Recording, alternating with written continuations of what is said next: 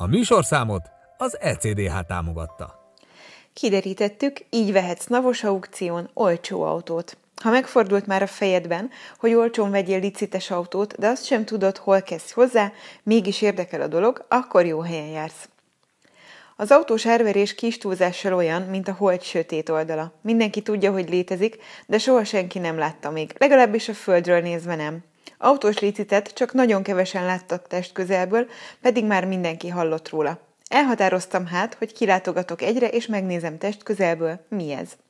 Elsősorban arra voltam kíváncsi, hogy megéri-e aukción autót venni, de olyan kérdésekre is kerestem a válaszokat, hogy miként működnek az autós árverések, honnan származnak az autók, és milyen állapotban vannak. Először lássuk, hogyan is működnek az autós árverések. A köztudatban ugyan a navos árverésként élnek ezek az események, de nem csupán az adóhivatal, hanem a Magyar Nemzeti Vagyonkezelő ZRT is bonyolít hivatalos liciteket. Sőt, jóval többet, mint a NAV, és jellemzően ők intézkednek az adóhivatal nevében is, de számtalan más forrásból származó autóval is találkozni lehet az árveréseiken. Melyek ezek a források? Zömmel állami cégek flottái, de akár magánszemélyek is regisztrálhatnak és áruba bocsáthatják az autójukat. Hol és hogyan bonyolítják le az árveréseket? A licitek ma már teljes egészében online zajlanak, és bárki részt vehet rajtuk, nem kell csókosnak lenni ahhoz, hogy valaki hozzájusson az olcsó vagy olcsónak vélt autókhoz. Ha valaki licitálni szeretne, csupán annyit kell tennie, hogy az ügyfélkapu regisztrációval és adószámmal regisztrál az elektronikus aukciós rendszerbe. Egyébként valamennyi árverés ezen a platformon bonyolódik, legyen szó ingatlanról, autóról, vagy bármi más ingóságról. Senki ne lepődjön meg, hogy értelmesnek tűnő tételek mellett pár száz forintos mesekönyvek, vagy különböző gyerekjátékok is sorakoznak az MNV ZRT honlapján. Első lépés az autók megtekintése online. Az EAR honlapján regisztráció nélkül is lehet keresgélni, az autók eléréséhez a menüsorban az ingóság opciót kell kiválasztani, ahol rögtön három lehetőséget is felkínál a rendszer. Az első a meghirdetett árverések, ahol az összes olyan gépjármű és egyéb ingóság megtalálható, amelyekre a közeljövőben lehet licitálni, a második a licitálható árverések, ahol az éppen futó aukciókkal lehet találkozni, a harmadik pedig a lejárt árverések, ahol értelemszerűen a már lezárt licitek sorakoznak. Utóbbi kiválasztása esetén látszik, hogy mit vittek el és mennyiért, illetve mely aukciók zárultak sikertelenül. A rendszer meglepően intuitív, könnyű használni, és minden fontos információ hamar megtalálható. A legfontosabb adatok a következők. A megbízó az a szervezet, amely az MNV ZRT segítségével kívánja értékesíteni a járművet. Az árverés meghirdetésének időpontja arra a napra vonatkozik, amikor feltöltötték a weboldalra a járművet. Az árverzett tétel megtekintésének időpontja az a nap vagy napok, amelyen vagy amelyeken élőben is meg lehet tekinteni az autót. Az árverési biztosíték megfizetésének határideje az a nap, ameddig be kell fizetni az MNV ZRT számlájára azt az összeget, ami biztosítja, hogy részt lehet venni a liciten. A licit időszak kezdete és befejezése azokat a pontos napokat jelöli, amelyek között meg lehet tenni online az ajánlatokat. Az árverezett tétel megtekintésének helyszínén lehet a megadott időpontban rendszerint előzetes bejelentkezést követően megnézni az autót. A kikiáltási ár az az összeg, amennyiről indul a licit, a licit lépcső pedig azt az összeget jelöli, amelyel rá lehet ajánlani az előző ajánlatra.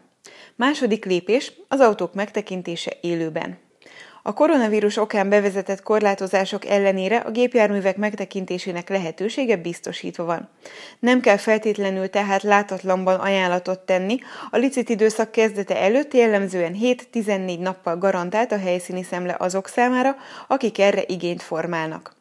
Az NMV ZRT hivatalos álláspontja szerint ezekre az alkalmakra nem kell előzetesen időpontot egyeztetni, elég a megadott helyszínen és a megadott időpontban megjelenni, ám tapasztalatom alapján ez kiegészítésre szorul, de erről majd később. Az árverés alatt álló ingóság megbízó pontját érdemes megfigyelni, ha ott az szerepel, hogy a vagyonkezelő megbízás alapján jár el, akkor erősen ajánlott felvenni a kapcsolatot az autó tulajdonosával, mert nem biztos, hogy a telephelyen lesz is valaki, aki fogadni tudja az érdeklődőt a megjelölt napon. Ha azonban az MNV ZRT saját tulajdonosi jogkörben jár el, akkor valószínűleg tényleg nem szükséges előre bejelentkezni, mert biztosított lesz a bejárás lehetősége. Harmadik lépés az online licit. Ha a szemlén minden rendben volt, és az autó kikiáltási ára is szimpatikus, akkor a megadott napon elkezdődhet az online licit. Fontos azonban, hogy csak azok tehetnek ajánlatot az árverés alatt álló vagyontárgyakra, akik előzetesen megfizették az úgynevezett árverési biztosítékot. Az árverési biztosíték egy előre meghatározott összeg, amely az elárverezendő tétel kikiáltási árának legalább 5, de legfeljebb 25%-a, és az érdeklődő szándékának komolyságát hivatott szavatolni. Ha valaki több járműre is licitálni kíván, akkor valamennyi tétel esetében el kell utalni ezt az összeget. A licit során a licit lépcső figyelembevételével és a megadott időtartamon belül lehetőség van saját kezüleg megtenni az ajánlatokat, vagy ki lehet használni a rendszer által biztosított automatikus ajánlattételi lehetőséget is.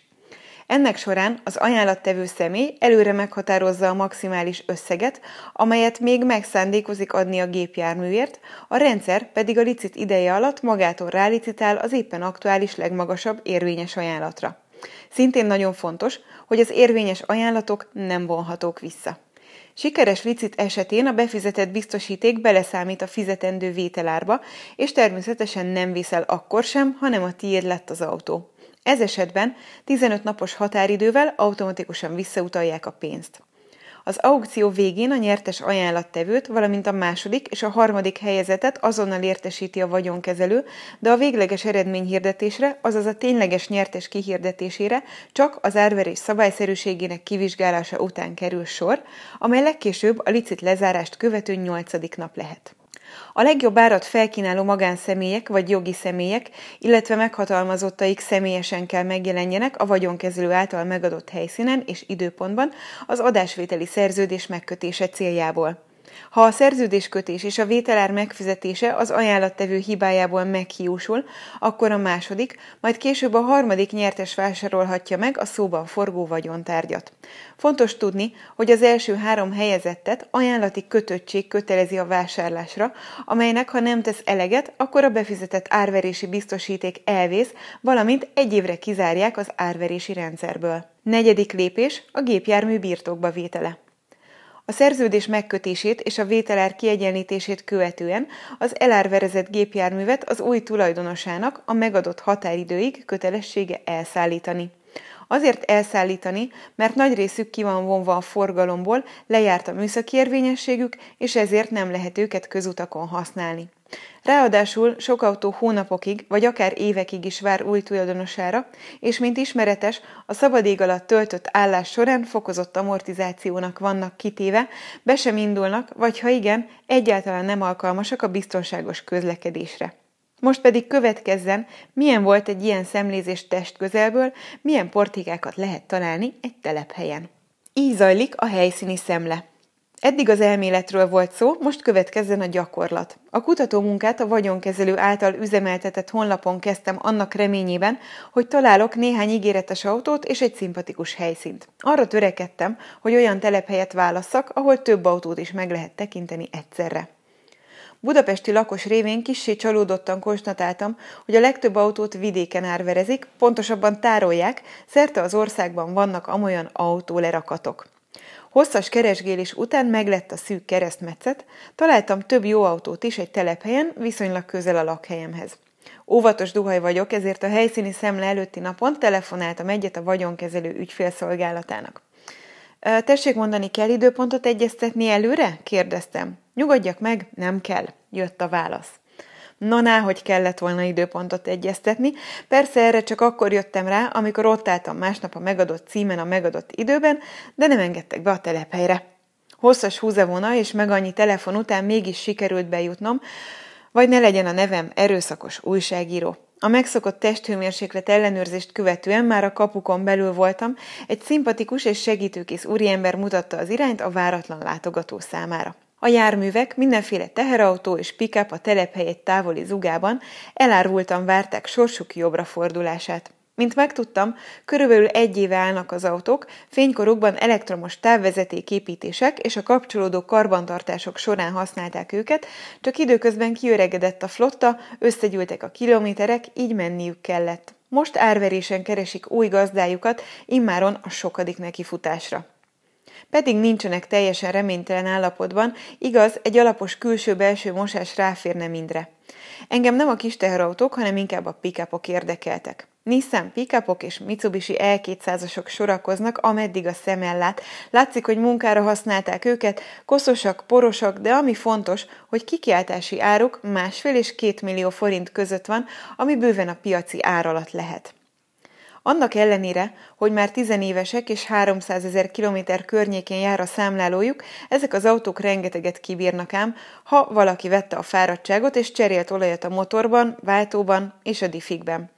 Flottás autóknál nagyon valószínű, hogy megkapták a legminimálisabb törődést, ami nem is olyan rossz ajánló levél az ilyen igás lovaknál. Kritikus pont lehet azonban még a rozsda, ami elsősorban alul érdekes az alvázas felépítésből adódóan, és bele kell kalkulálni a vásárlásba, hogy a hosszú állásban a gumik tönkrementek, a tömítések elfáradhattak, és arra is van esély, hogy néhány kábel nyers családok ünnepi vacsorájává vált. Abszolút pozitív volt, hogy bármelyik autót megnézhettem, körbejárhattam, bármelyikbe beülhettem, egyébként mind nyitva volt, senki nem kérdezett semmit, és senki nem zavarta meg érdeklődő mustrámat. Ha kérdeztem valamit, válaszolt a kísérőm, ha nem kérdeztem, udvariasan félreállt. Na persze beindítani esélytelen lett volna bármelyiket is, talán még segédakkumulátorról sem sikerült volna. Na igen, a motor ketyegését nem tudtam meghallgatni, és következésképpen a próbakör is elmaradt. Bőven van rizikó az autók megvásárlásában, de cserébe olcsóbbak. Megéri akkor árverésen autót venni? Végső soron ez a legfontosabb kérdés, hogy megérheti-e bárkinek is a liciteket bújnia és azok során autót vennie. Egy mondattal válaszolva, ki lehet fogni a jóvételeket. A filléres autókat érdemes elfelejteni, mert annyit is érnek, és reménytelen helyre pofozni őket, de a több százezres, milliós kategóriában lehetnek jóvételek. A vásárlás során észben kell tartani, hogy jellemzően nincsenek azonnal hadrafogható járművek, mind foglalkozós, azaz kell rájuk költeni bőven, hogy ismét közlekedésre és munkára alkalmas állapotban legyenek. Akkor mégis kinek éri meg liciten autót vennie? Hát annak feltétlenül, aki önköltségi áron képes az autókat helyre pofozni. Vagy nagyon szerencsésnek kell lenni, és kifogni egy valóban kihagyhatatlan vételt. ECDH. Mindenünk az autód.